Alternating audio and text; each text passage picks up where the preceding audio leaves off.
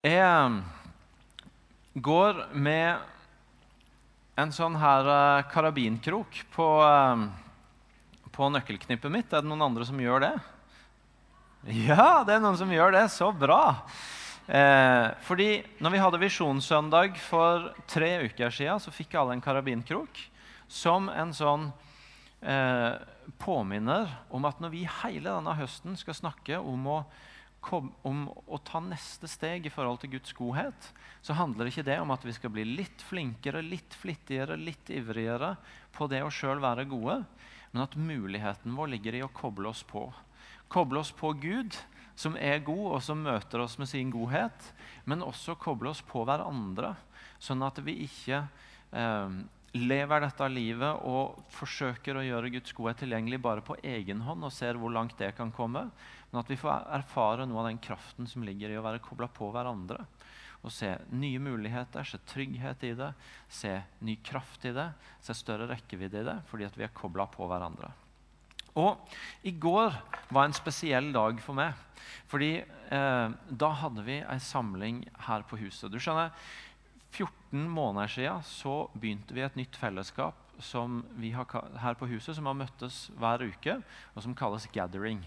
Eh, og Grunnen til at det kalles gathering og ikke cellegruppe, som mange andre grupper er, eh, gjøres her på huset, det var egentlig at mange av de som skulle være med der, de har sittet i fengsel. Så cellegruppe var ikke en sånn veldig gode assosiasjoner med.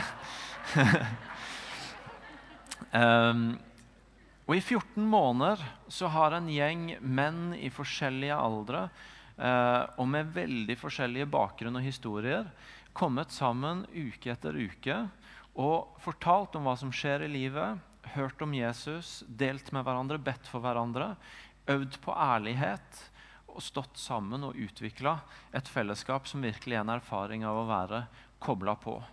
Eh, I går så tenkte vi at det hadde vært gøy hvis, hvis, noen har lyst til å høre om det som har skjedd i løpet av disse månedene, hvor noen har kommet til og blitt, noen har kommet inn og vært der en stund og gått videre, noen har kommet seinere. Eh, men men å fortelle noen av de historiene om det som har skjedd med noen av oss som er der nå, og hva det har fått betydd, det hadde vi lyst til å gjøre. Og så blei det et par utrolig flotte timer her, her, sånn i dette rommet, hvor menn med en del av de veldig tøffe bakgrunner og historier har opplevd rus og sorg og tap av forskjellige slag, sto og delte utrolig ærlig om livet sitt og om eh, hva fellesskapet hadde betydd, og om hva Gud hadde betydd. Og Kurt, som leda den seansen, han sa at ja, det var jo sånn at før, når vi havna i konflikt, så løste vi det med kniv og gaffel. Eh, men nå sitter vi og deler med hverandre i en ring og ber for hverandre. Som på en måte var talende for noe av endringa, men også for noe av den ærligheten som er kommet ut. Og Jeg hadde lyst til at dere skulle få en smakebit på en av de historiene. Så jeg spurte Per, som var her i går, om jeg fikk lov til å vise video av det han sa. Og det fikk jeg. Og det har jeg lyst til at dere skal få se nå. Uh, ja, jeg heter Per, som sagt. Uh, jeg har overhodet ikke forberedt meg til dette. Jeg har ligget syk hjemme i natt. Og... Men jeg tenkte jeg måtte være her. Først og fremst må jeg jo si at uh, jeg jeg elsker Jesus, vil jeg si. Det er det viktigste å si. Eh, hvordan jeg virkelig kom i kontakt med gathering eller Gud og alt sånt det gjorde jeg vel første gang i 1999. ble jeg vel kristen. Men problemet mitt var jo det at eh, Gud for meg var omtrent som å tro på julenissen i begynnelsen. For jeg trodde på en julenisse. Altså En som på en måte hver onsdag så ba jeg til han òg Gud la meg få lov til å vinne 50 millioner i Lotto. Og så ble jeg like sur på han på lørdagen når jeg ikke vant. Og liksom, Skulle jeg ha noe, så ba jeg Gud, jeg må ha dette her. Og Hvis jeg ikke fikk det, så ble jeg sur på han. Og da fikk det alvorlige konsekvenser. Konsekvenser som var så alvorlige at jeg holdt på å miste livet. Jeg... Eh, og så er det dette her med å høre Guds stemme. Hvor skal jeg høre Guds stemme hen? For jeg er så full av en stemme som heter ego. Og den overdøver som regel en Guds stemme. Og så plutselig her i var det februar-mars For jeg, jeg, var jo rusavhengig. Jeg, eh, var i LAR. Fikk Subutex i tolv år. Var oppgitt av samfunnet. Så når jeg gikk ut av LAR for noen år siden, så ikke, fortsatt ikke greide å slutte med dop, da, så søkte jeg meg inn på alle slags behandlinger. Jeg kom ikke inn på noen behandlinger her i Norge, for jeg hadde vært der så mange ganger. Så jeg måtte ned til Spania, for der var det en institusjon som ville ta imot meg. Og Jeg reiste ned, kom ned der, og så var det i 14 timer, så fikset jeg ikke mer. Da måtte jeg ut. Så ble jeg kjørt midt i en by der i Spania når det var begynnelsen på mars. Så sto jeg der med to bager. Jeg hadde litt penger, og så var jeg på vei inn og så tar meg en øl. og Går, for, går til lege og ordner meg noe metadon og tenkte nå skal jeg ruse meg resten av livet. Jeg vet ikke hva som skjedde, men plutselig så var det liksom innså jo det at eh, Wow. Det er liksom Gud handler om noe mer enn dette her. Jeg måtte overgi all kontroll. Eller overgi kontroll. Jeg måtte overgi den umuligheten det var for meg å ha kontroll. For jeg har aldri greid å ha kontroll over livet mitt. Når jeg prøver å styre og stelle, så går det til lyks der det ikke er bra. ja. Nei, så reiser jeg jo hjem. Jeg innså jo det at jeg har ikke sjans, og jeg eh, bare heiste det hvite flagget og sa Gud, jeg fikser ikke mer. Du må ta kontrollen. Og så reiser jeg hjem, og så var jeg temmelig abstinense når jeg var med Jeg, var, jeg går jo i en annen selvhjelpsgruppe, og der traff jeg han lille mannen der. Så han dro meg med her. Og så husker jeg jeg satt her og var så abstinense. Jeg husker jeg var i gruppe med Kjetil der. Og liksom Jeg skjønte ikke hvordan i all verden skal jeg klare å bli nøktern. Hvordan skal jeg klare å få et godt liv? Og helt ærlig så har jeg ikke klart det, men Gud har klart det. På en eller annen måte. Gud har grepet inn. Og det eneste jeg trenger å gjøre, er å hive meg ned på kne om morgenen og overlate min vilje til Han. Og innrømme at jeg er totalt maktesløs, at jeg ikke har kontroll over livet mitt. Så funker det. Nå skjer det jo så mye i livet mitt at jeg har nesten ikke ord for det. Ja, positive, selvfølgelig. Eh, men eh, gatheringen, det, det, er liksom ukets eh, høydepunkt. For der får jeg liksom delt noen av tankene. Jeg får liksom OK, dette er fra Gud, og dette er ikke fra Gud. For jeg klarer å ennå ikke hører Guds stemme, jeg. Men jeg hører Guds stemme gjennom HP og Kjetil. og Spesielt Kjetil, for han går jo og klipper skjegget mitt litt sånn av og til òg. Og da snakker vi om Gud og livet. Og da, da kjenner jeg at det er jo håp. Det er muligheter. Det, I min bibel jeg ser ikke det her, altså, så står det jo der at kjærligheten den dømmer ikke. Han tåler alt. Liksom, Tenk å komme dertil. Tenk å komme dertil liksom, For det jeg kjenner liksom nå ber jeg jo ikke noe annet om morgenen enn om å få lov til å gjøre Guds vilje. Guds vilje. Og hva er Guds vilje? Det er iallfall ikke tilfredsstille mitt ego. For da ender det jo ja, Da kommer viljen gjennom ei sprøyte rett i armen. Altså, og da tenker jeg på Hvem er det som er liksom altså, Den kjærligheten den tror jeg, den vil jeg bringe videre. Altså En kjærlighet som ikke dømmer noen. Han dømmer ikke noen for noe. Og han tåler absolutt alt. Tenk å bli så perfekte. Og da tenker jeg på det.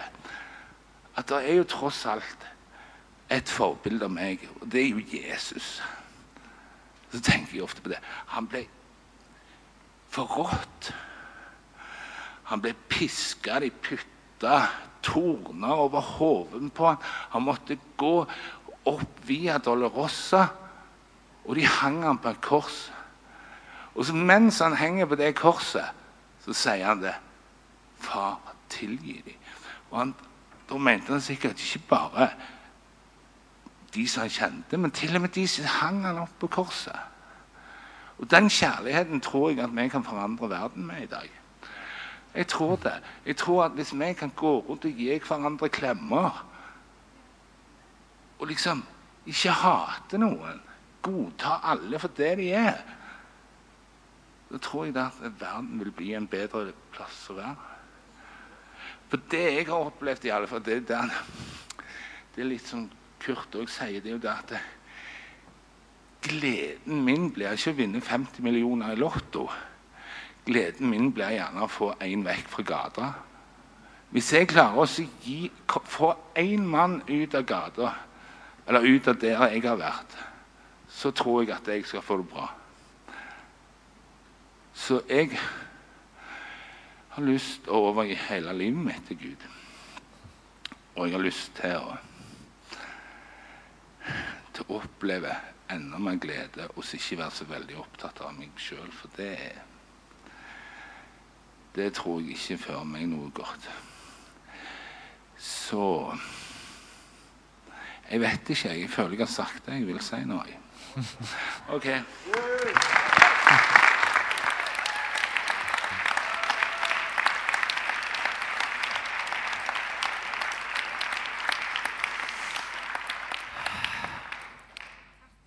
Per, fantastisk. Legg merke til noe av det han sier. Jeg skjønte ikke åssen jeg skulle kunne skape meg et godt liv, bli rusfri. Og jeg har ikke fått det til, men Gud har fått det til. Eh, jeg klarer fortsatt ikke å høre Guds stemme, men jeg hører den gjennom HP og Kjetil og Kurt og de andre i fellesskapet.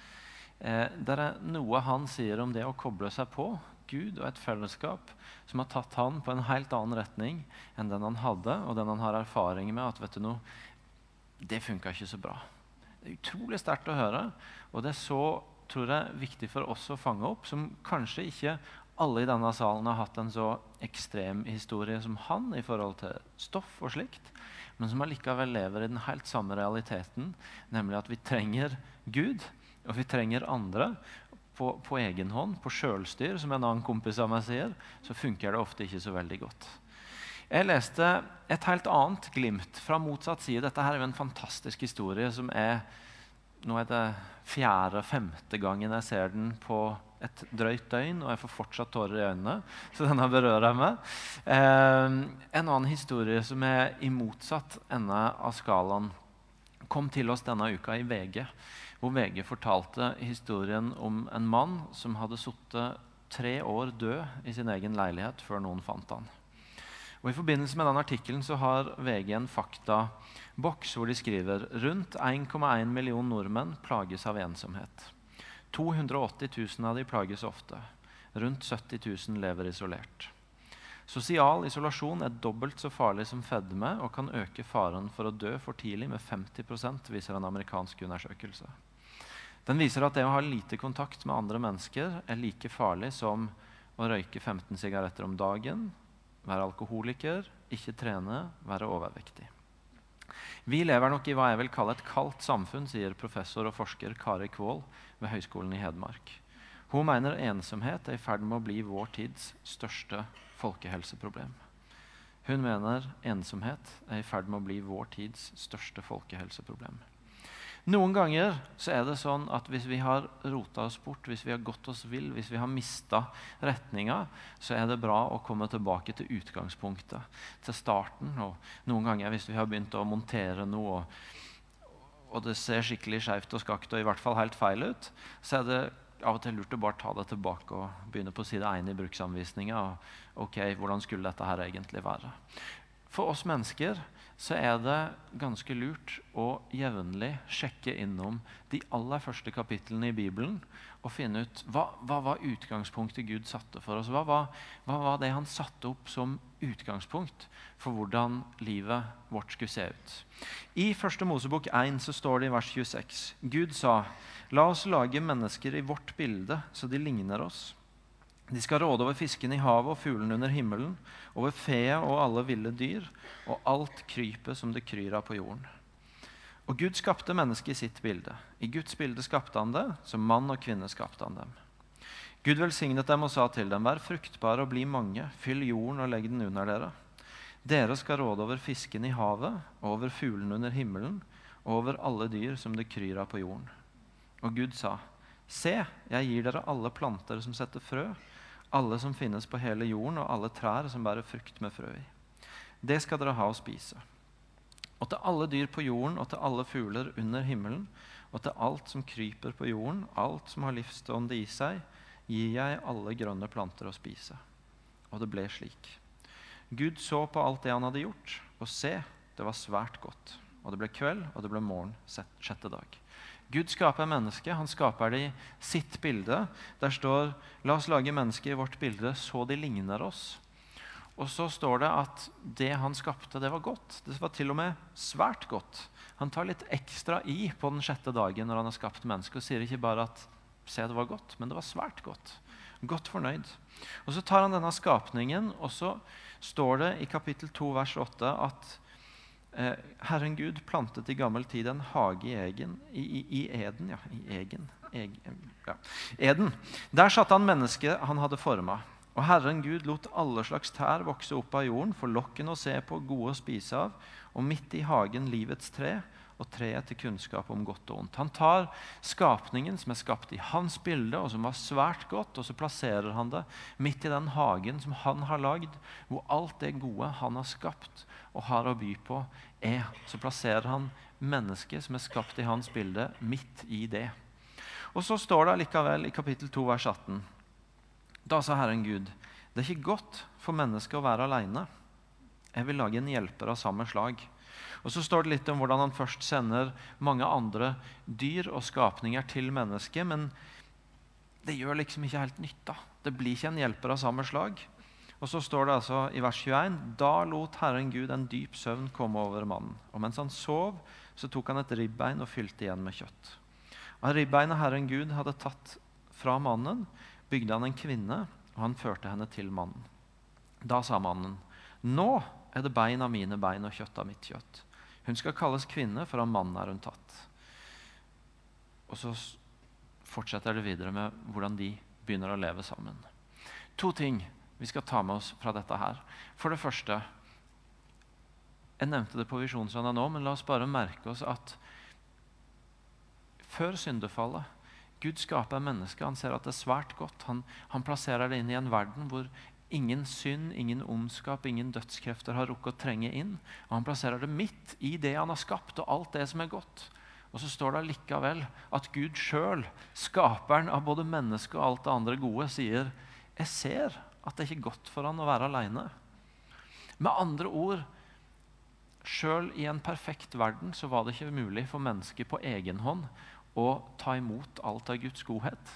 Det var akkurat som det var ikke helt mulig. De hadde alt dette gode rundt seg som Gud hadde skapt, men, men, det var ikke mulig å helt ta det inn og helt leve i det og helt forholde seg til det fordi han var aleine.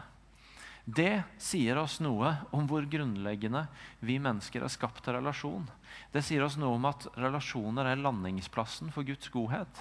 For sjøl det mennesket som var skapt inn i den perfekte verden, klarte faktisk ikke fullt ut å nyte livet i paradis fordi det var aleine. Og Gud sjøl så det. Eh, relasjoner er landingsplassen for Guds godhet.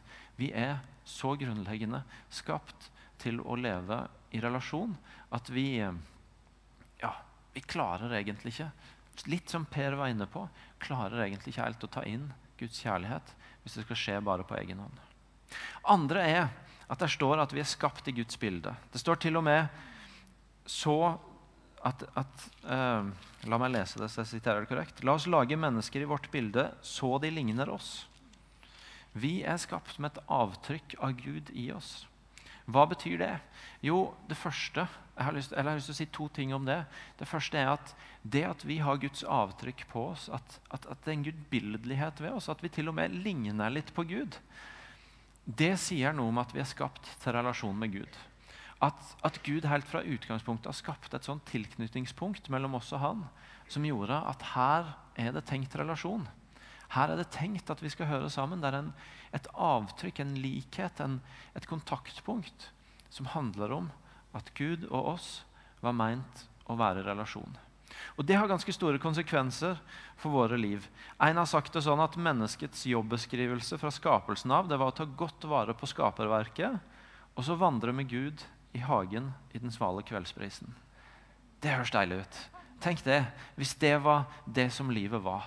Ta godt vare på den hagen han er planta i, den, det, det, Gud har skapt. Og så gå med Gud i hagen i den svale kveldsprisen når det er sånn behagelig temperatur. Høres ut som et godt liv. Og Det var utgangspunktet. Det var det Gud skapte oss til. Det betyr at det kristne livet er ikke sånn som dette.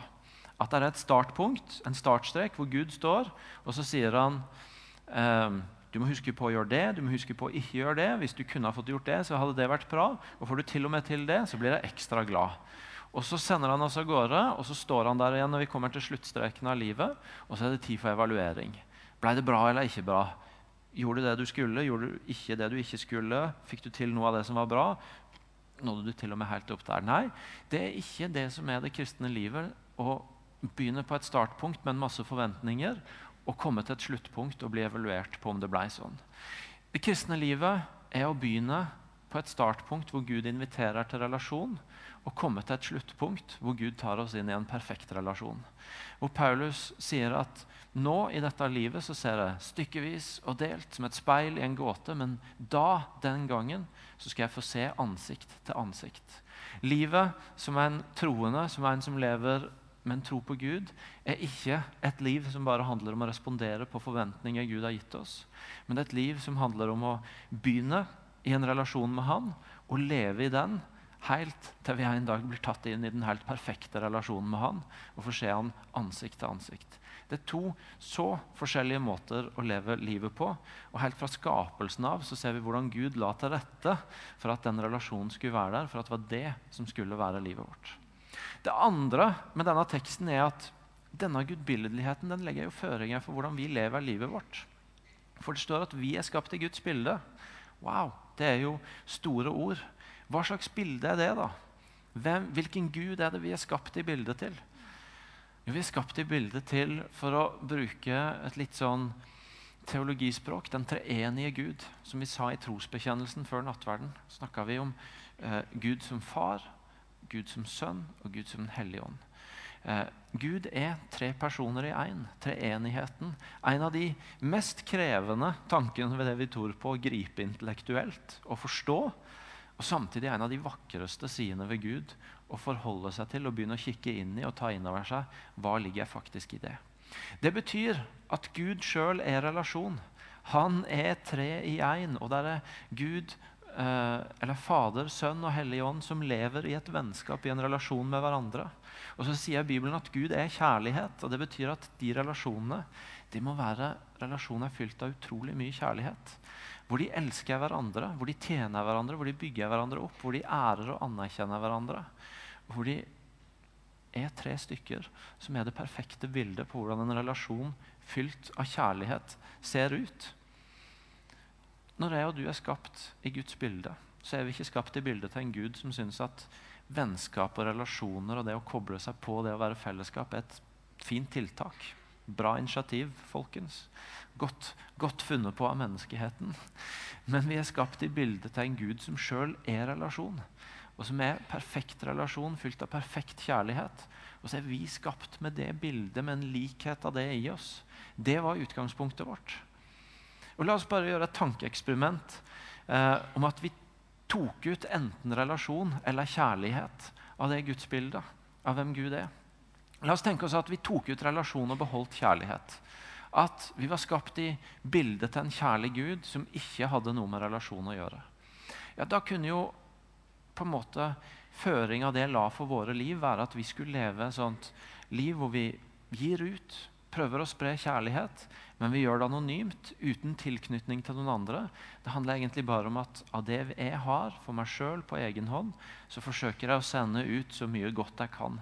Uten at det er i noe kontaktpunkt med noen andre, men det er egentlig bare en sånn strøm av anonym givertjeneste ut mot andre mennesker i denne verden. Eh, for meg som er introvert så kan det på noen dårlige dager jeg har, høres veldig flott ut. Men over et helt liv så høres det egentlig ganske stusslig ut. Hvis alt jeg gjorde, var å leve i isolasjon fra andre og sende ut et eller annet der ute som jeg tenkte kanskje var bra, men som ikke det var noen relasjon med. Vi kan tenke oss omvendt at vi beholder relasjon, og så tar vi kjærlighet ut. Gud var relasjon, men ikke kjærlighet, og vi er skapt i hans bilde, så vi er meint å leve i relasjon, men så kjærlighet får det være som det vil med. Ja, da ville det jo blitt en gjeng samarbeidende egoister som delte, utveksla tjenester og ting vi trengte, og varer og alt sånt med hverandre, uten at det var noen tillit, noen kjærlighet, noen godhet til hverandre. Jeg syns ingen av de alternativene er gode alternativer. Og heldigvis så er det bildet vi er skapt i, av en Gud som er relasjon, og som er kjærlighet. Og Det er det vi er skapt til å leve. Og Hvis det var utgangspunktet, hvis det er sånn at når vi har rota oss bort, så er det lurt å gå tilbake til utgangspunktet og spørre hvordan var det meint å være. Og Det utgangspunktet viser oss det at Gud skapte oss til å kjenne Han og være venner med Han. Og så skapte Han oss til å leve i vennskap og relasjon med hverandre. fordi uten det så makta vi faktisk ikke helt å ta inn Guds godhet i våre liv. Så kan det jo være at noe av svaret på at Per fikk et vendepunkt, og noe av svaret på at en del ting i vår verden ikke er som vi skulle ønske at det var. At det er en del ting som er ganske forskjøvet, ganske på feil spor. Har noe med at vi har rota oss bort fra det utgangspunktet. Det kan jo være at noen av problemene i landet vårt har med at 1,1 million mennesker sier de er ensomme. At 70 000 av de lever isolert. Det kan jo være at det er en av de største utfordringene for mange mennesker. At vi faktisk har kommet så langt bort fra det bildet vi var skapt til å leve i, hvor vi var venner med Gud og venner med hverandre. Og levde nært på hverandre. Jeg tror at Bibelen viser oss at Jesus i hvert fall er enig i den tanken. For når han blir spurt hva er de to viktigste buda som fins, så svarer han elsk Gud og elsk mennesker som deg sjøl. Lev i relasjon med Gud og lev i relasjon med menneskene rundt deg. Han peker oss tilbake til utgangspunktet, til der vi var skapt til å leve. Og så sier han hvis du, hvis du gjør det, så er du på vei i rett retning. Da gjør du det viktigste for å leve det livet jeg har for deg. Det enkle budskapet jeg har lyst til å legge inn over oss i dag, det er at uh, relasjoner er landingsplassen for Guds godhet. Det er det vi var skapt til å leve i. Uh, et vennskap med Gud og et vennskap med hverandre.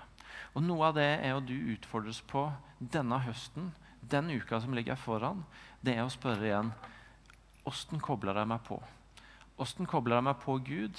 Men åssen kobler jeg meg på andre mennesker? Åssen ser det ut i kalenderen min, i to do-lista mi, i prioriteringene mine? I det første jeg tenker på om morgenen, i det siste jeg tenker på om kvelden? Åssen ser det ut? At jeg er skapt i Guds bilde til å leve i vennskap med Han og til å leve i vennskap med mennesker rundt meg. Sånn at vi kan si som Per at vet du noe, det er ikke alltid jeg hører Guds stemme, men jeg kobler på noen som hører Guds stemme.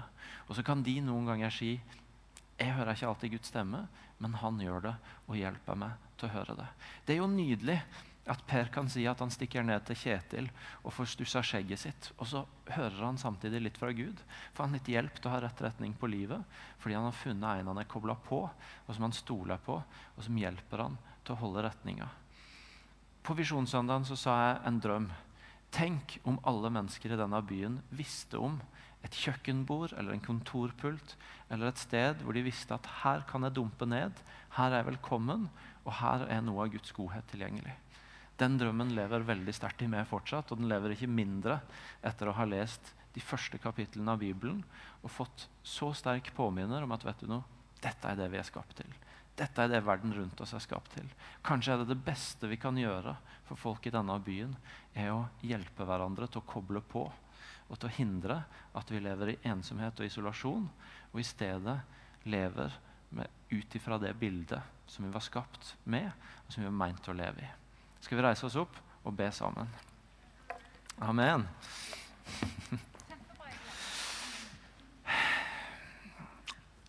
Gode Gud, jeg har bare lyst til å takke deg for at du er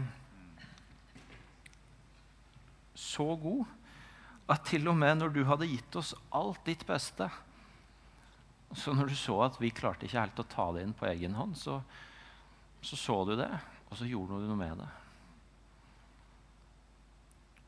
Og så har du gitt oss denne nydelige fortellinga om skapelsen til å minne oss om åssen vi var skapt til å leve. Jeg har lyst til å be deg akkurat nå om at du skal hjelpe oss til å koble på. At du skal hjelpe oss til å koble på du og vennskapet med du, sånn at vi ikke prøver å skape et liv vi ikke kan skape sjøl, eh, men som du kan skape. Men at du òg hjelper oss til å koble oss på hverandre. Og til å koble oss på mennesker på en sterkere måte, på en tydeligere måte, på en ny måte. og på nye mennesker. Det fins mennesker i dette rommet som har mange kjøkkenbord å dumpe ned rundt, og det fins mennesker i dette rommet som ikke har noen.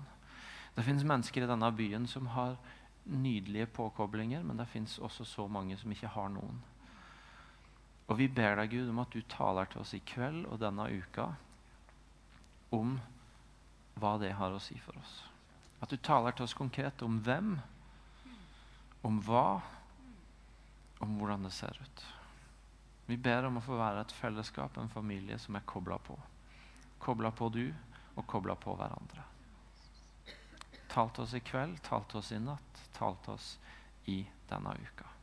Og så ber jeg deg for de i dette rommet som er ensomme, kjenner på ensomheten, og som kommer i kontakt med det òg, når vi så tydelig ser på hvordan vi var skapt til å leve. Jeg ber deg om en spesiell godhet over de i kveld, og jeg ber deg om at du skal minne oss andre på å se og lytte, og at du hjelper oss til å møtes og til å finne koblingspunkter. Mm. Ditt navn, Jesus. Amen.